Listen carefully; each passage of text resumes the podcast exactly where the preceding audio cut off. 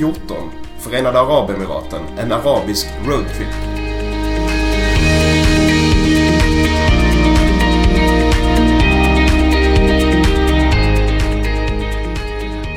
Vi tror att de flesta har en föreställning om hur det är i Förenade Arabemiraten även om man inte har varit i Dubai eller Abu Dhabi eller någon av de andra emiraterna. Men hur är det i verkligheten? Restam gav sig iväg på en roadtrip genom alla Förenade Arabemiratens sju emirater för att utforska läget. Ja, och det var inte massa rika shejker precis överallt. Nej, men vad var det då? Ja, det får vi utforska i det här avsnittet. Ja, precis.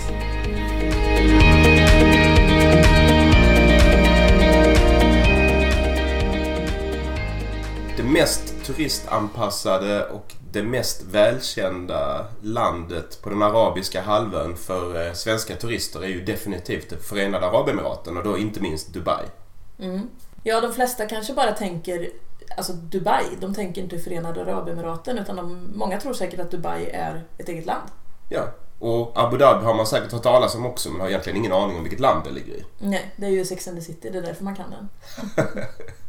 Det finns faktiskt fem emirater till och eh, om du väcker mig mitt i natten kan jag nog inte nämna en enda av dem. Men jag har varit i alla, för det var vi på vår roadtrip. Mm. Det var ju viktigt för dig att vi skulle åka igenom alla. Det handlar om att bocka av allt som finns här i världen. Statistik, statistik, statistik. Precis. Så eh, varför inte hänga med och eh, lyssna på hur det var att eh, bila igenom Förenade Arabemiraten. En lite annorlunda upplevelse. Mm. Det kan man ju säga att det var. Vi kan väl börja med att prata om varför man ska åka dit. Ja, inte minst så är det ju så att det är ett väldigt attraktivt klimat. Mm. Vilket gör att det nästan under hela året är eh, spännande eller trevligt att bege sig dit för att få lite sol i, i det svenska mörkret. Ja, plus att det är ju inte jättelång flyg, flygresa heller. Nej, och det är dessutom ganska bra konkurrens på flygningarna och rätt så bra priser för att ta sig så pass långt. Mm, precis. Sen är det ju väldigt spektakulärt. Ja, det är ju lite som...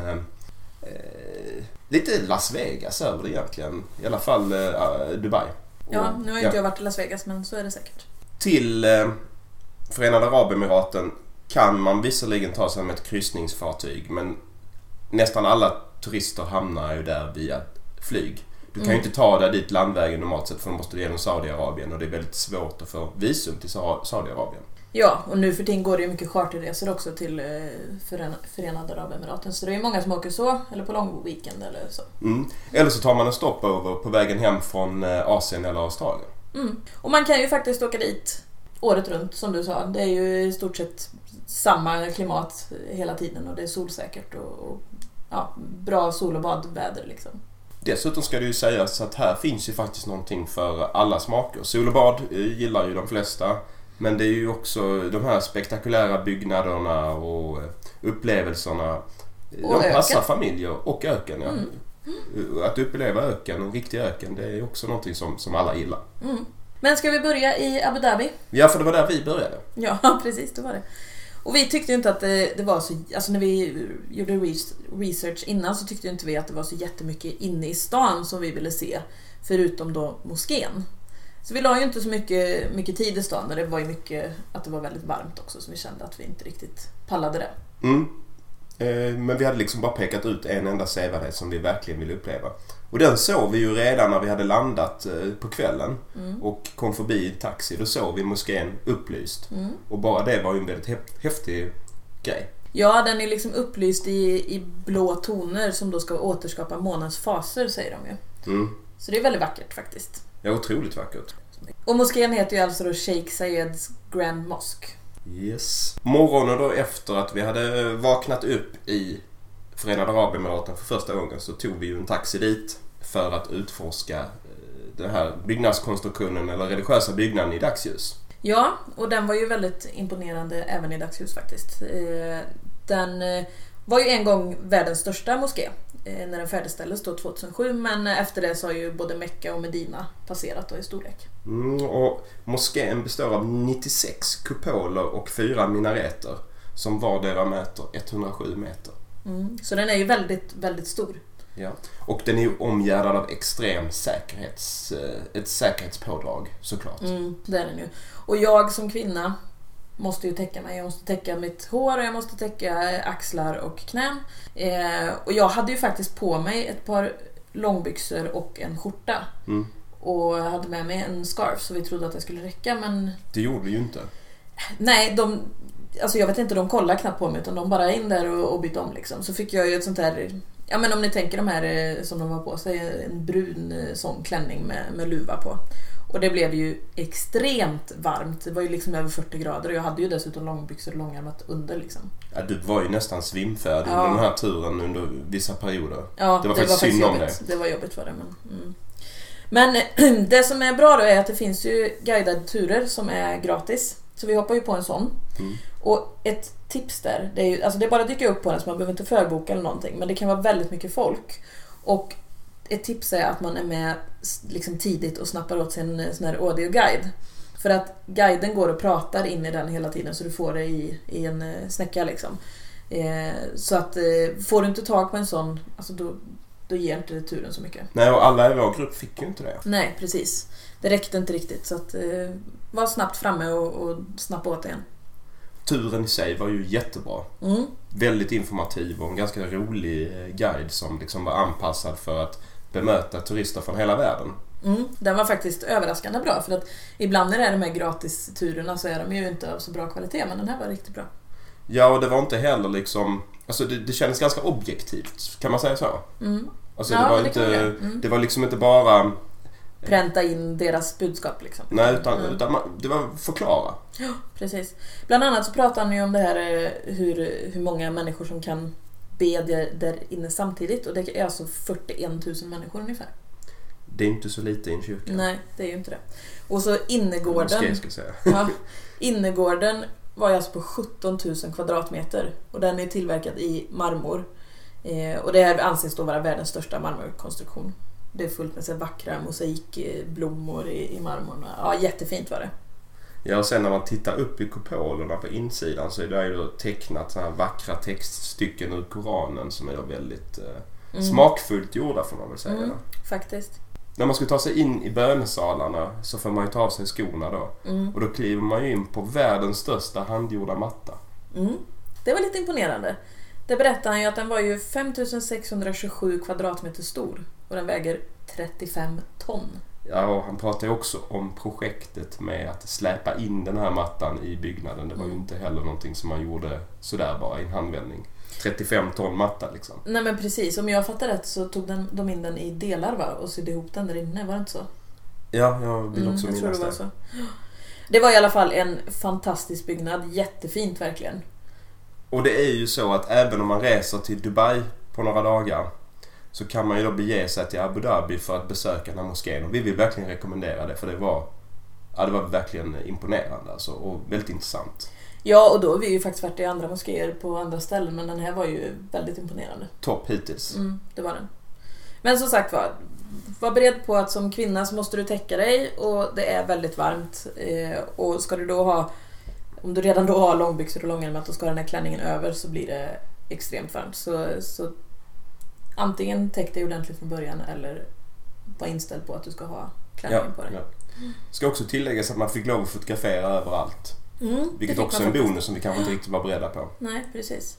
Det är ju inte sällan som, alltså ofta är det ju så att man inte får det i de här Mm. heliga byggnaderna. Så att, Så ett topptips det är att besöka den här moskén. Mm.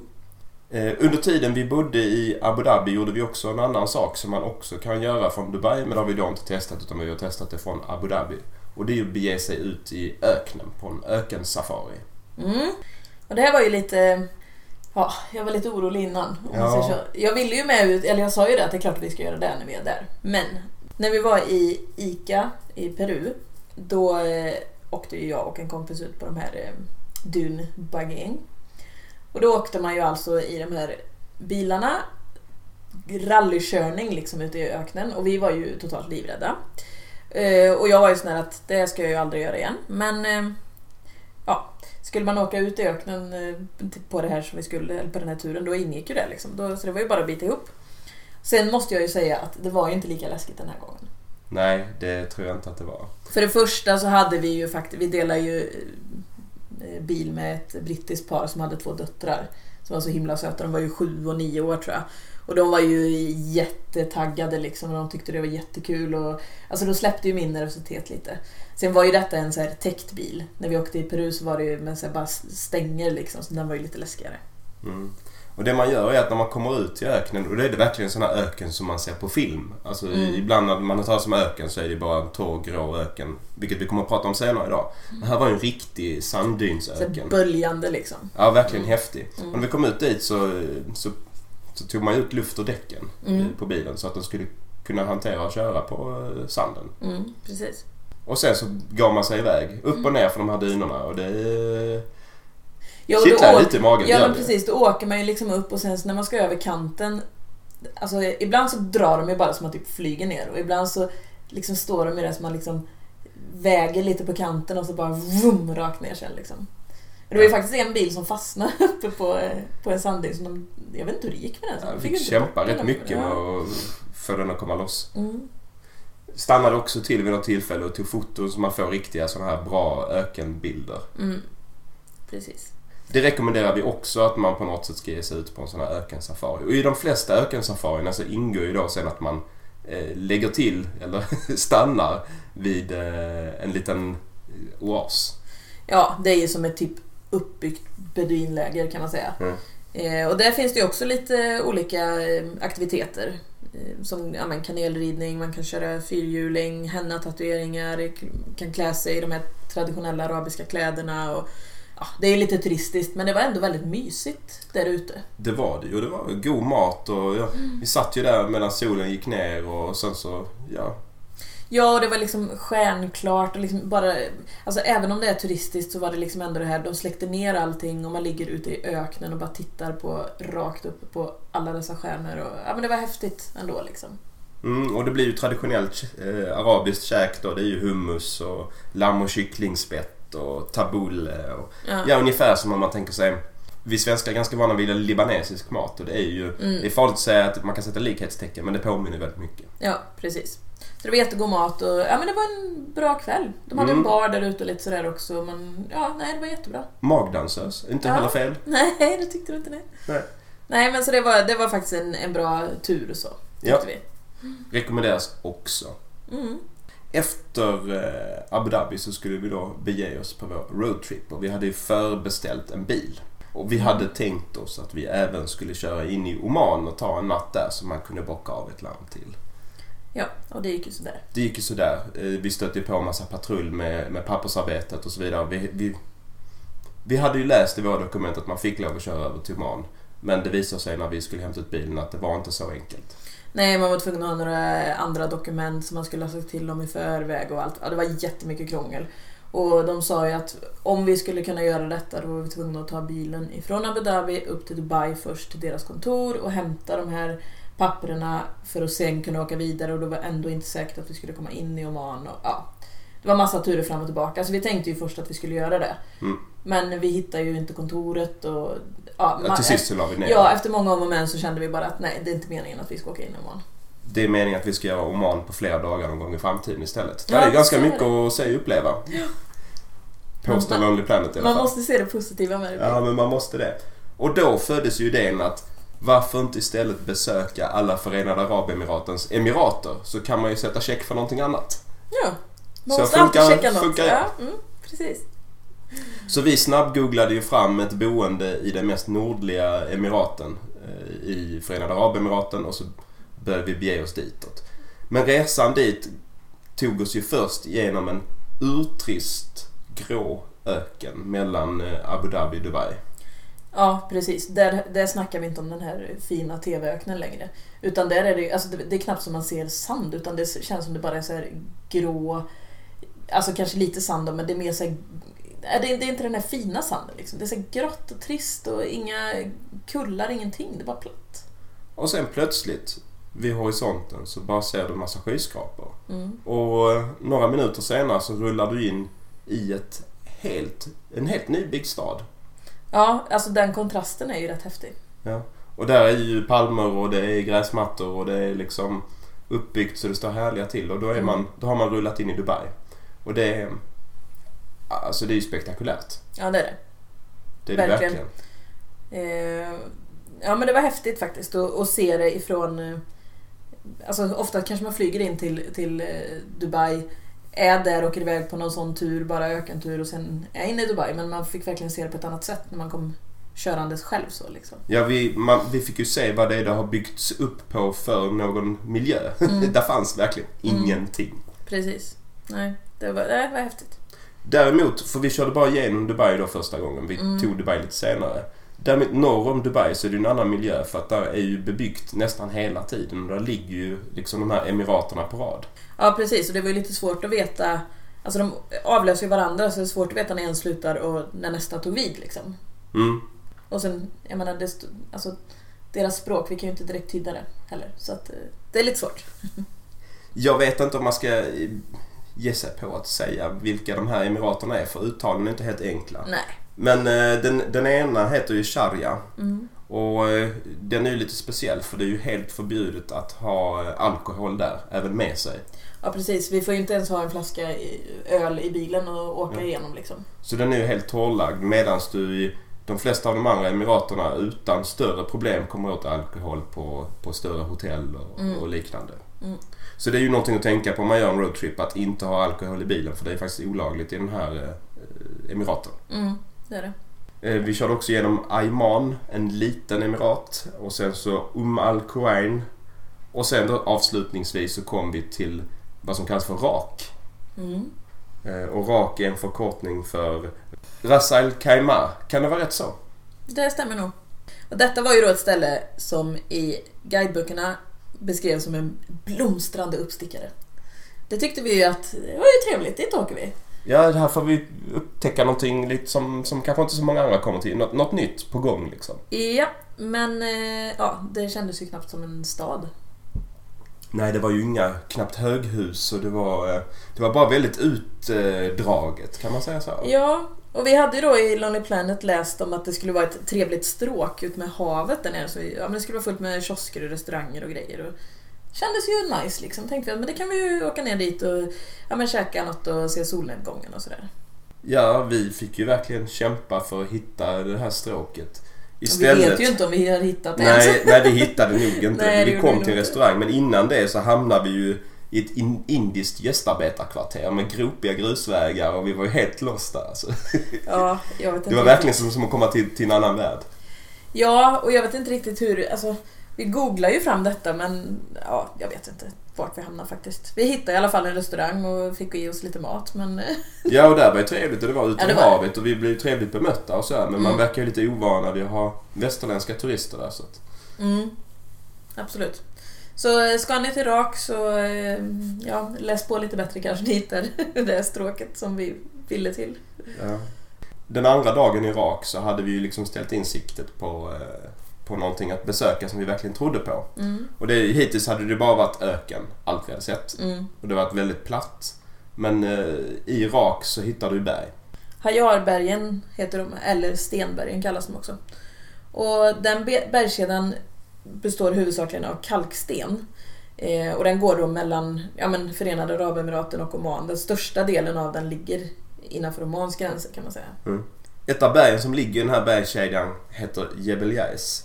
Eh, det är nästan 2000 meter högt och det är ju då eh, Förenade Arabemiratens högsta berg. Mm. Och där har man i sann arabemiratisk anda då tagit sig an det här som en potentiell turistdestination. Och har lagt en eh, trefilig eh, bilväg hela vägen upp som slingrar sig upp som en serpentinväg. Helt nyasfalterad och den är inte riktigt färdigbyggd än. Nej, alltså den... Alltså när man åker upp på sådana ställen i vanliga fall så är det ju...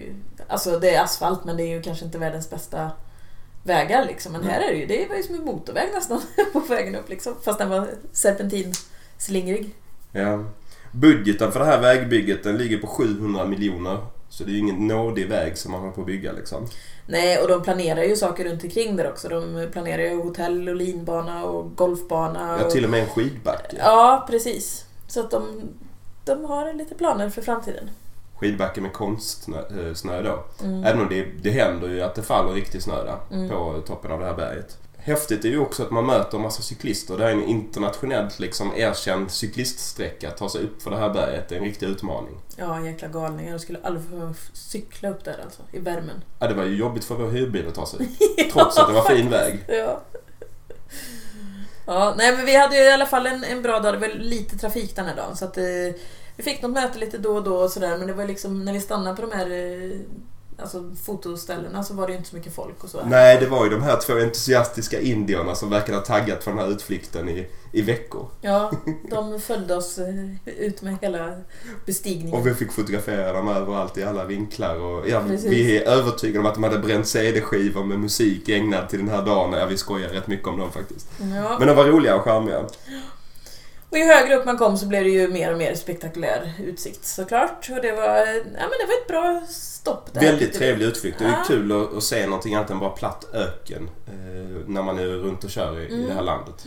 Det som är lite, eller var lite synd när vi var där, det är att vägen är ju inte klar riktigt hela vägen upp. Utan ungefär tre fjärdedelar upp kommer då. Sen Mm. fick vi vända och åka neråt igen.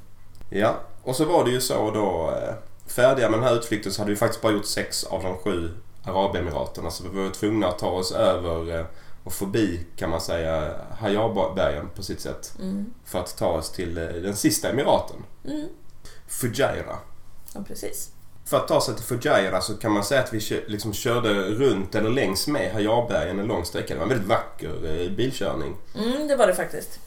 Och sen kom vi fram till havet och då påminner det faktiskt lite om eh, franska rivieran på vissa ställen. Ja, det var en helt annan miljö än vad vi Mm. hade sett tidigare. Och där låg en del eh, skrytbyggen eh, ut med utkik över havet och sådär. Och det Mm. var väldigt mysigt där uppe egentligen. Och där är också en del eh, charterdestinationer som, som Mm. ligger där. Men det har liksom hamnat lite i skuggan av resten. Ja, precis. Men vi hade i alla fall sett en, en strand som skulle vara bra i Lonely Planet. Och den skulle finnas i kustbyn Al-Aqqa. Ja, den ansågs ju vara eh, Förenade Arabemiratens bästa strand. Så då Mm. kände vi att det är en lämplig destination för den här eh, emiraten. Ja. Vi bockar av, den. Precis. Och här kunde man ju då köra bilen ut på stranden. Eh, Så vi körde ju bilen ut ända tills det var kanske 15 meter kvar till vattnet. Så hoppade vi ur där.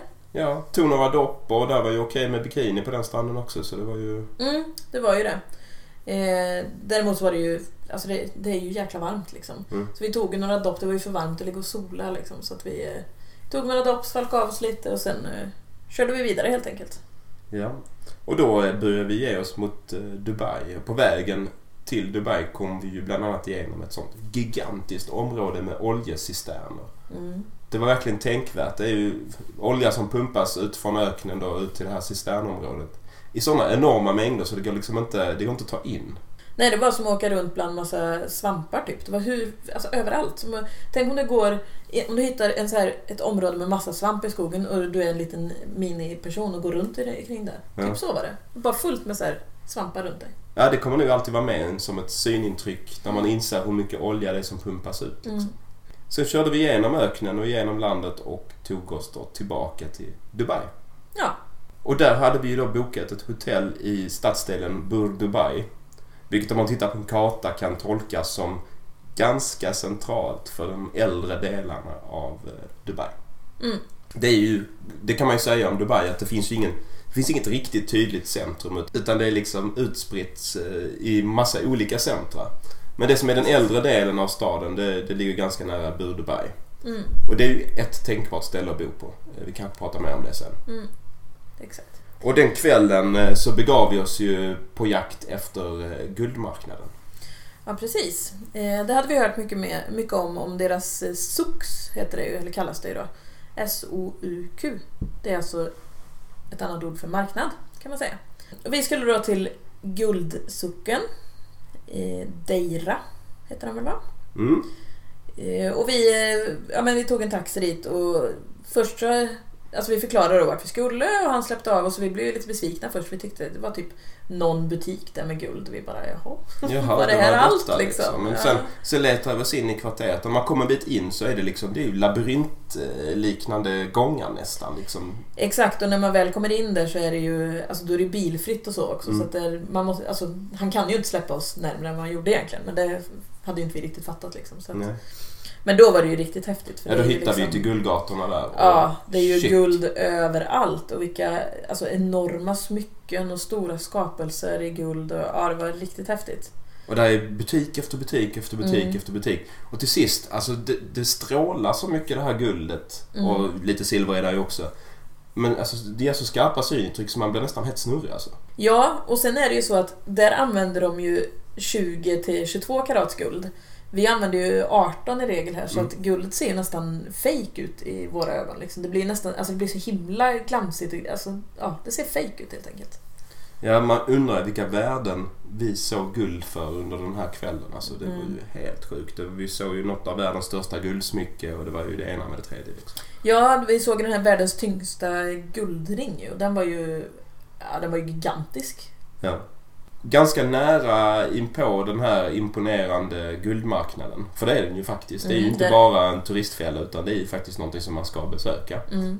Så finns det ju lite andra sådana här suck-områden också. Bland annat en för kryddor. Mm. Och där hade vi också lite förväntningar. Men den var inte så stor och den var lite sådär eh, i skymundan. Ja, precis. Det var, alltså det var ju lite lugnare där än vad det var vid Guldsocken. Eh, men lite mindre och visst det var ju fortfarande att det låg liksom högar med kryddor vart man än gick och så. Så det är klart att det var häftigt och doften är ju fantastisk. Men eh, ja, vi hade nog trott att den skulle vara lite större. Ja, och det var, ja saffran var ju väldigt mycket men så, så Mm. var det typ samma fem sex andra kryddor på alla ställen liksom. Det var Ja. inte... Jag hade föreställt mig kanske stånd där det låg stora högar med olika färger och så. Det var inte riktigt lika färgsprakande och, och så som jag hade i min tankevärld i alla fall. Men Nej. eftersom man ändå, om man ändå är i Guldsocken kan man lika bra titta till den här också. Absolut, om inte annat bara för att känna de härliga fantastiska dofterna. Mm. Efter det så hade vi ju inte så mycket till plan. Nej, egentligen inte. Vi var ju så att okej, vi måste äta någonstans liksom. Men så gick vi ner till vattnet var ju inte så långt därifrån och då eh, såg vi att man kunde ta en eh, båttaxi över till andra sidan. Eh, och där hade vi, vi såg ju liksom en trevlig restaurang där så tänkte jag att ja, men då gör vi väl det då liksom. Så det gjorde vi ju. Ja, det kostar inte många kronor att Nej, ta det en sån här båttaxi. bara några, alltså det var jättebilligt så det var en liten upplevelse det också liksom att bara åka över. Och det är det som är lite speciellt också med Dubai att spridningen på vad saker kostar är ju... Alltså det är svårt att veta innan om någonting är billigt eller dyrt. Mm. Det är en extrem spridning liksom. Det är det. Och när vi satt där och käkade så såg vi alla de här kryssningsbåtarna som åker iväg på kvällen där man kan eh, äta och sådär på. Daus. Mm, D-H-O-W-S mm. heter de. Och det hade vi nog satsat på en av kvällarna om vi hade haft mer tid där tror jag. Då Mm. hade vi nog åkt ut på en sån. Det såg mysigt ut. Mm, Och det var ju väldigt stor business det där. mm, det var det.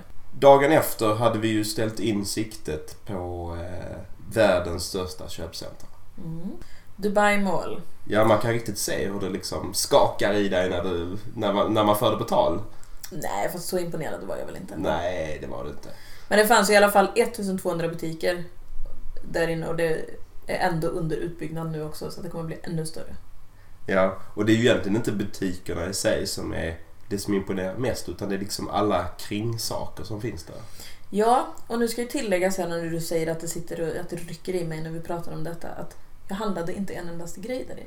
Nej, det är faktiskt sant. Mm, precis. Vi var ju faktiskt, alltså vi gick ju runt lite och kikade men att det var nästan lite för stort för att få någon Alltså, man, man kommer och går och så bara tror man att det är slut och så bara nej, här går det en gång till och så alltså det, du tappar liksom bort det lite och du Sen är det ju lite uppdelat liksom att du har en gata där det är bara de här lyxmärkena och sen hade man ju någon gata där det var mer som en sock fast inne i, i shoppingcentret. Och, alltså, ja, med så, guld och så. Ja. Ja, så det är väldigt uppdelat. Men sen så det som var det som vi tyckte var lite häftigt var ju de här olika andra grejerna. Liksom isrinken och akvariet, nöjespark, eh, lyxbutikerna och så den här Kidsania fanns ju ett område där man kunde eh, släppa in barnen liksom så fick de ju prova på olika yrken och sådär. Så det var lite sådana grejer mer som vi tyckte var coolt. ja, men låt oss fastna vid det. Alltså, mitt inne i ett köpcenter, en gigantisk isrink. Mm. Mitt inne i ett köpcenter, samma köpcenter, gigantiskt akvarium. Mm. Sen har du nöjespark, mitt inne i alltihop. Och sen, Och eh, du har ju även eh, vad heter det, skidbacken. ja, inte på det här köpcentret, Nej, det är inte det, nej, just det, det är det andra. Mm. det är det andra. Så Mm. den såg vi ju aldrig. Vi brydde oss inte om fler just köpcentrum. Mm. Och sen så fanns det ju då ett, ett speciellt, det här du sa, Kidsania. Mm. Du kan väl berätta vad det är? Ja men barnen kan ju liksom prova på att vara allt ifrån eh, polis till lärare till brandman liksom, under några timmar. Och då får de då ja, men, jobba som det, inom situationstecken.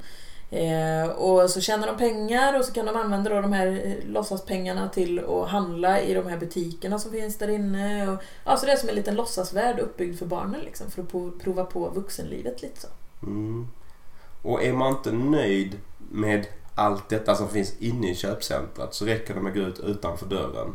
Mm. Så har du världens högsta byggnad där som en extra liten attraktion. Burj Khalifa. Mm.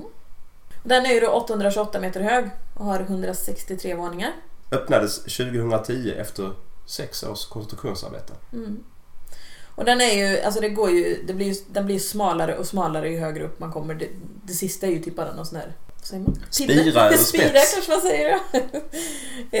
eh, och det känns som att, alltså vara där uppe om det är lite stormigt, det är nog inte så trevligt. Nej, och det enda man lär sig är väl öken typ. Så. Mm. Ja. Vi valde ju faktiskt att inte åka upp. ja, vi gjorde det valet på förhand. Vi tyckte att det var för dyrt. Ja, det kostar, om man skulle hela vägen upp då, eh, då kommer man till våning 148. Det är så högt eh, som turisterna får komma. Och då kostar det 800 spänn per person. Ja, och vi, hade, vi har varit i ganska många höga byggnader. eh, Så att investera 1600 spänn i att åka upp och, och Ja. kanske inte ens ha bra sikt. Det Nej. kändes sådär. Precis, och så fanns det ju en annan biljett då för ungefär halva priset. Då kom man till våning 124. Men då kände vi lite att, ja ja men om vi ska åka upp i vä- världens högsta byggnad. Då vill vi åka högre upp än vad vi har varit i Petronas Towers till exempel. Ja, i Malaysia. Ja, annars, så, alltså, annars är det inte värt att åka upp liksom. Så ja, vi struntar i det helt enkelt. Jag tror vi gjorde rätt faktiskt. Ja, vi tog lite foton och sådär och sen så återvände vi även på kvällen. Eh, när det var ljus och vattenshow framför eh, byggnaden. Mm, precis. Det är ju alltså Dubai Fountain ligger nedanför tornet. Och eh, där har de då, jag tror det är en gång i halvtimmen under kvällen i alla fall, eh, som de har eh, Ja, det spelas musik och så sprutar upp eh, vatten i massa olika formationer som i takt med musiken då. Ja, självklart världens största koreograferade fo- fontän och vattenspel. Allting är ju världens största Mm. när det är Dubai liksom. Och det är ju faktiskt samma människor som har eh, byggt denna som har byggt fontänerna utanför eh, Bellagio hotell i Las Vegas. Mm, så gillar man det så kanske man ska kolla in det här. Mm. Vi var väl... ah, Vi tyckte det var häftigt men det var ingenting som vi kände att wow, wow, wow, det här var Nej. exceptional liksom. Nej, det tyckte vi inte. Vi har ju varit på det här i, i Lima. Där är ju någon, sån här jättestor vattenpark också. Den tyckte vi var bättre än den här. Liksom. Parc de la Reserva i Lima, ja. Ja, det var ju mycket mer eh, eh, vad ska man säga, mycket mer med ljus också. Man kunde gå in under vattnet och lite sådär. Så att den tyckte vi var bättre än den här. Liksom. Ja. Det är vårt bästa tips i Lima förresten. Men eh, det är väl ett helt annat avsnitt. Ja, det är det.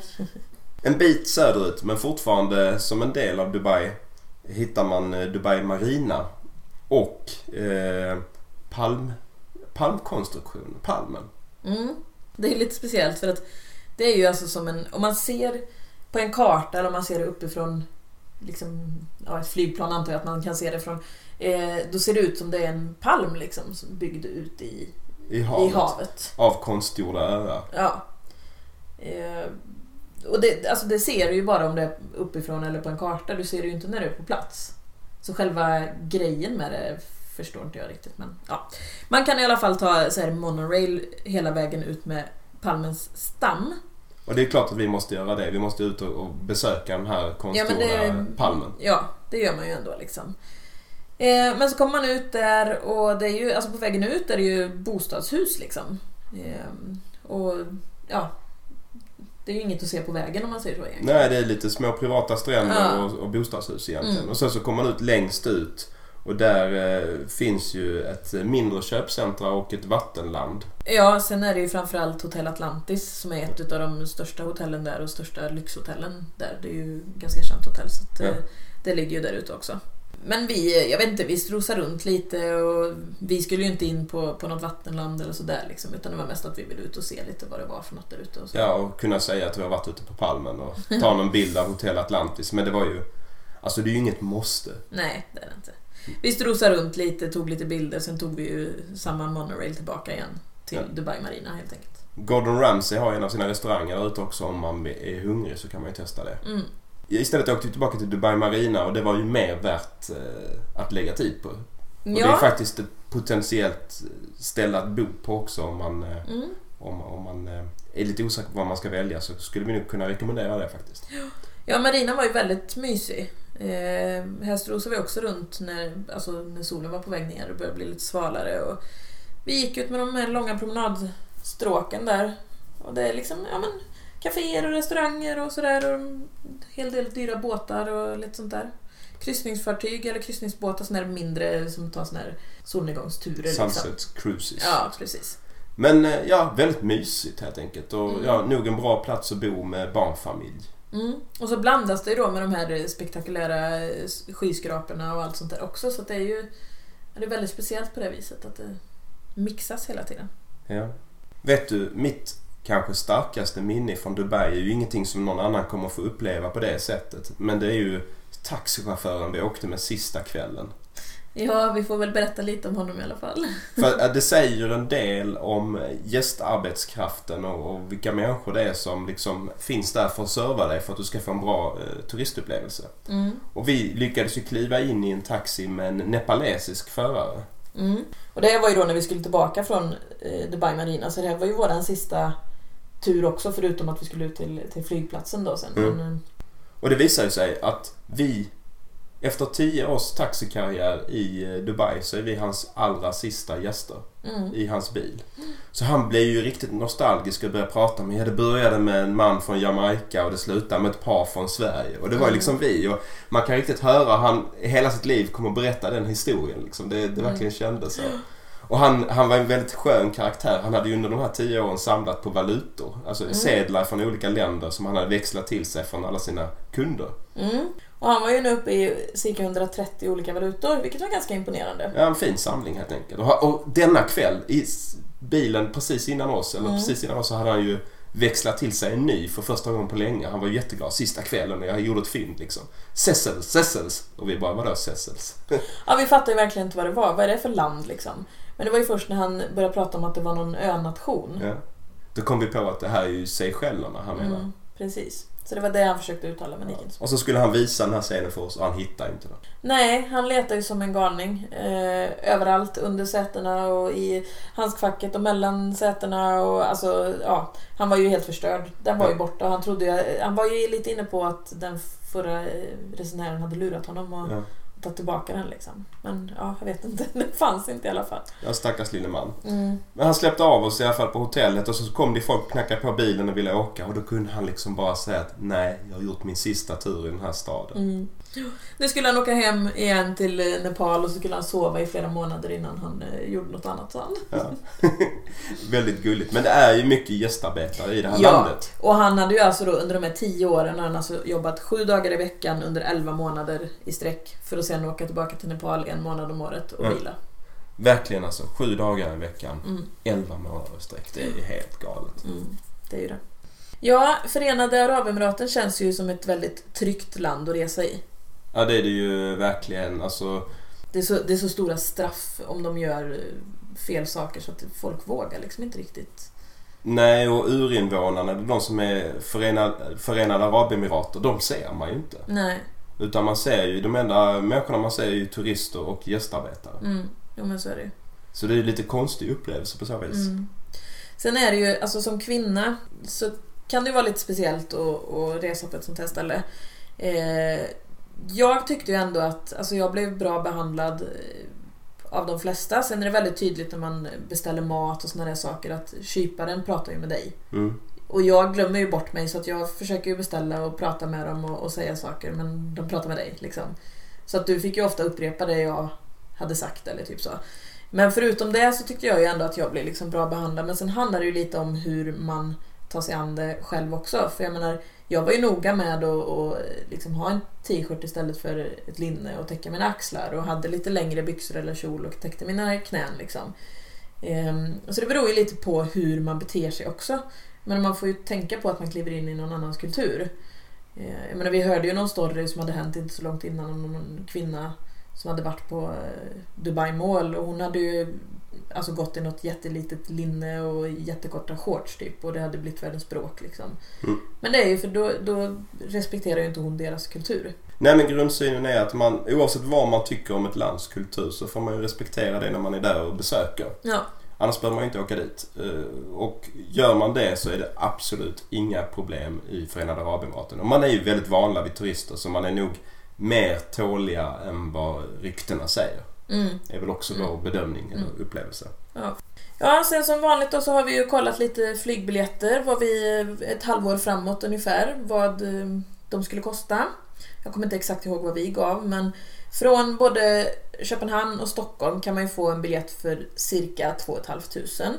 Men då är det med mellanlandning och ganska alltså, dåliga flygtider, lång restid och så vidare. Man får vänta länge i Europa någonstans. Eh, men för strax under 4 000 så kan man få direktflyg. Ja, och det är nog det man ska ta egentligen. Liksom, Mm. Om man då ska göra en lång weekend kanske. Mm. Och eh, det är ju inte så farligt med tanke på att man åker ganska långt ändå. Men man, Mm. ja, det blir bra. Det blir inte så jättemycket tidsskillnad och eh, ja, det är ett rätt intressant eh, weekend-destinationsmål eller som en mellanlandning på väg till eller från Asien. Ja, och det som framförallt är bra tycker jag, det är ju det här att det är inte så jättelång flyg, flygtid men du får ändå liksom klimatet vilket innebär att du kan vara borta kortare tid. Men du kanske inte vill åka, flyga ända till Thailand för en vecka liksom. Nej, Men det kan du göra till, till det här stället liksom. helt klart, helt klart. Eh, vad vi också upplevde när vi eh, skulle boka boenden och så här och vad vi har hört från andra med.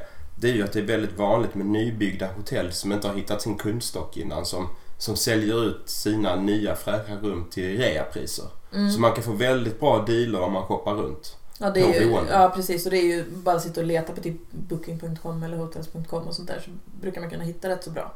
Vi brukar ju nästan alltid annars hitta bättre på Airbnb än, än på Booking. Men vår upplevelse nu var att det var ungefär samma prisnivå egentligen. Ja, exakt. Och då valde vi ju att ta booking för att då, har man ju, då vet man ju att det liksom finns en reception och allt det här som är öppen lätt att checka in och så liksom. Ja. Och det man ska tänka på är att man ska, man ska göra en funderare innan man åker till framförallt Dubai. Men kanske även Abu Dhabi då. Eh, för det är så stora avstånd. Så det beror på vad man vill göra. Var man ska bosätta sig. För Mm. det, det, det är tungt att resa i den här värmen även om det är luftkondition- luftkonditionering och sådär. Så det är tungt att resa i kanske timmar för att ta sig till, till en plats. Liksom. Ja men precis. Så, så tipset är ju liksom att kolla upp vad vill ni se, vart vill ni åka och så väljer ni boendeområde utifrån det liksom. Och Bur Dubai eller eh, Dubai Marina. Dubai Marina är väl Mm. våra rekommendationer. Sen matmässigt, det, ja det var ju mycket i libanesisk stil som vi pratade om tidigare. Eh, tabbouleh, hummus, de här rätterna liksom. Sen fanns det ju ett rikt utbud av amerikanska kedjor också. Det alltså snabbmatskedjorna och det här Ja, ja. finns ju mycket av. Och, hör och häpna, Svenska Max finns ju också i eh, arabvärlden. Mm. Så eh, hittar ni en Max så kan ni ju krydda ett besök med det. Ja, precis. Vi hittade faktiskt en, vi åt inte där men vi hittade en Max eh, i Abu Dhabi. Mm. Vad tycker du man ska kombinera med då? Finns Ja. det lite olika varianter? Det normala är ju att man åker till Dubai och då tycker jag att man ska göra dagsturen till Abu Dhabi. Det är den kombon man ska göra. Eh, man kan, som vi tänkte då, eh, kombinera med Oman och man kan göra som vi gjorde och kombinera med Bahrain. Mm. Eh, men annars är det ju liksom att ta det här som en stopover på vägen till och från. Ja, faktiskt. För det, det är ju det att vill man... Det beror lite på hur stort intresse man har av det. Vill man bara liksom ha upplevt det och sett eh, Dubai till exempel, då kan man ju absolut göra det på en stopover bara på eh, två, ja kanske en natt liksom eller någonting. Ja. Om, om man ska hitta någonting liknande i världen, ja alltså när det gäller skrytkonstruktioner och byggen och, och prylar så är det ju Las Vegas som ligger närmast till hands. Mm. Annars eh, finns det ju ingenting som liknar det här mer än övriga städer i arabvärlden. Alltså Mm. som, som har vuxit snabbt med oljepengar. Precis. Och vi känner oss väl eh, ganska så färdiga nu med det. Vi skulle väl kanske, ja, det kan ju mycket väl hända att det blir en stopover någon gång i Dubai liksom. Ja, jag skulle kunna tänka mig det. Ja, men annars så är vi väl, Resten av. Arabemiraten tycker inte jag att jag behöver säga någonting mer om. Nej. Så. nej, inte jag heller faktiskt. Vill man veta mer så eh, finns det ett eh, dagboksavsnitt som heter Arabien 2017 på www.rikardalfredsson.se Och där eh, letar man sig fram från den 11 till den 15 april och läser om våra dagar då i Förenade Arabemiraten. Mm. Och då är vi återigen framme vid de tre orden. Jag tänker sig. Alltså jag tycker ju att ett ord som måste vara med det är ju liksom typ överflöd. Liksom. Att det är ett överflöd av allting. Det är stort, det är rikt, det är, ja men du vet hela den biten liksom. Så överflöd kan jag nog tycka ska vara. Ja, stora intryck och, Mm. och sådär. Så överflöd, det är ett jättebra ord för det här. Mm. Något av det som gjorde mest intryck på oss eh, var ju den här kvällen i socken med all detta glimrande guld. Så jag vill nog säga att guld får vara ett ord. Mm. Och sen kan man ju inte åka dit utan att ha med öken. Nej, för det är ju en, det är en ökendestination. Ja. Så överflöd, guld och öken. Ja, det var lite annorlunda ord mot vad det brukar vara. Det var det faktiskt.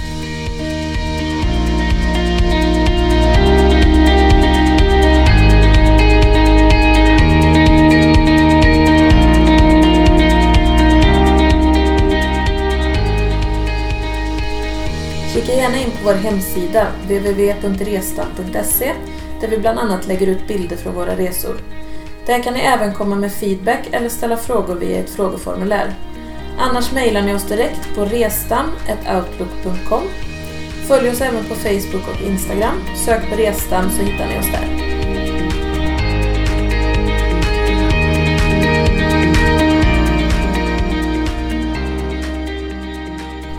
Vi fortsätter att kasta oss mellan världsdelarna och, näst, och nästa gång så ska vi återuppta vår eh, centralamerikanska roadtrip. Och då ska vi till eh, Belize, ett litet och ganska bortglömt land strax söder om Mexiko.